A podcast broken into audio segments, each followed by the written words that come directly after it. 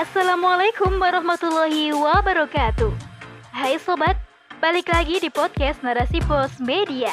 Kali ini bersama saya Dewi Fitriana dalam rubrik opini dengan tema Pungli memperkaya diri dengan cara tak terpuji oleh ICT Nuraini. Tanggal 6 Desember 2021 menjadi saksi bahwa pemerintah Kabupaten Bandung tengah berupaya mewujudkan birokrasi yang bersih. Hal itu ditandai dengan diselenggarakannya acara sosialisasi sapu bersih yang bertujuan untuk meningkatkan keimanan dan ketakwaan aparat negara dalam tugasnya mengayomi dan mengurusi persoalan masyarakat. Adapun birokrasi yang bersih itu salah satunya ditandai dengan tidak adanya kasus pungli atau pungutan liar oleh aparat negara. Untuk memberantas kasus pungli, Bupati Bandung Dadang Supriyatna meminta masyarakat untuk berani melaporkan jika ditemukan praktik pungli. Para pelaku akan dikenai sanksi tegas berupa pemberian SP atau surat peringatan, penundaan kenaikan pangkat satu tahun hingga pemecatan secara tidak hormat. Acara tersebut juga menjadi salah satu upaya pemerintah dalam mengedukasi aparat dan masyarakat agar bekerja sama memberantas pungli. Persoalan pungli bukanlah hal yang baru, bahkan sebagian masyarakat telah menganggapnya sebagai sesuatu yang biasa dan sulit untuk dihindari. Dalam pengurusan surat kependudukan misalnya, mereka sering menjumpai oknum pegawai yang meminta biaya operasional. Jika tidak dipenuhi, masyarakat harus bersiap urusan mereka dipersulit atau tidak diprioritaskan. Maka dari itu, sulit bagi mereka untuk menolak pungli ini. Fakta ini menunjukkan borok yang memalukan dari kinerja aparat dalam pemerintahan akibat sistem yang mengagungkan keuntungan, bukan kemaslahatan. Pendirian Komisi Pemberantas Korupsi atau KPK juga tampaknya tidak berhasil menghapus pungli karena semakin banyak operasi tangkap tangan atau OTT dilakukan, semakin terlihat banyak pula aparat yang tidak amanah dengan jabatannya. Maka, bukannya semakin percaya, rakyat malah dibuat semakin kecewa dengan para pejabat tersebut. Inilah fakta yang terjadi saat sistem kapitalisme menjadi pandangan hidup masyarakat dan negara.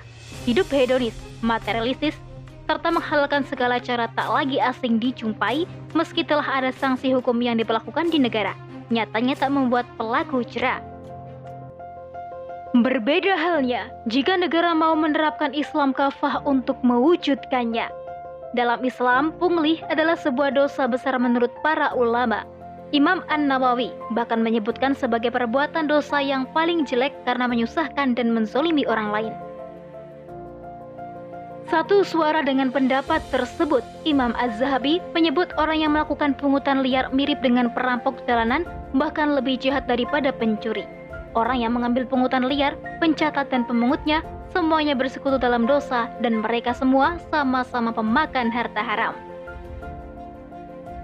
Adapun Islam yang sempurna memiliki solusi preventif dan kuratif dalam mencegah dan menghukum pelaku pungli agar pelaku jerah dan masyarakat takut untuk melakukan kesalahan yang sama. Solusinya antara lain sebagai berikut. Pertama, mewujudkan sosok pemimpin yang beriman yang memiliki kepribadian Islam jujur dan amanah yang bisa menjadi teladan. Dengan keimanannya tersebut, pemimpin dalam Islam akan selalu merasa dilihat oleh Allah sehingga tidak akan berani melakukan kemaksiatan seperti pungli.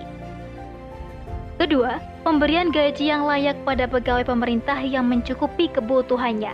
Adapun kebutuhan primer seperti kesehatan, pendidikan, dan keamanan akan ditanggung penuh oleh negara dengan pembiayaan dari Baitul Mal.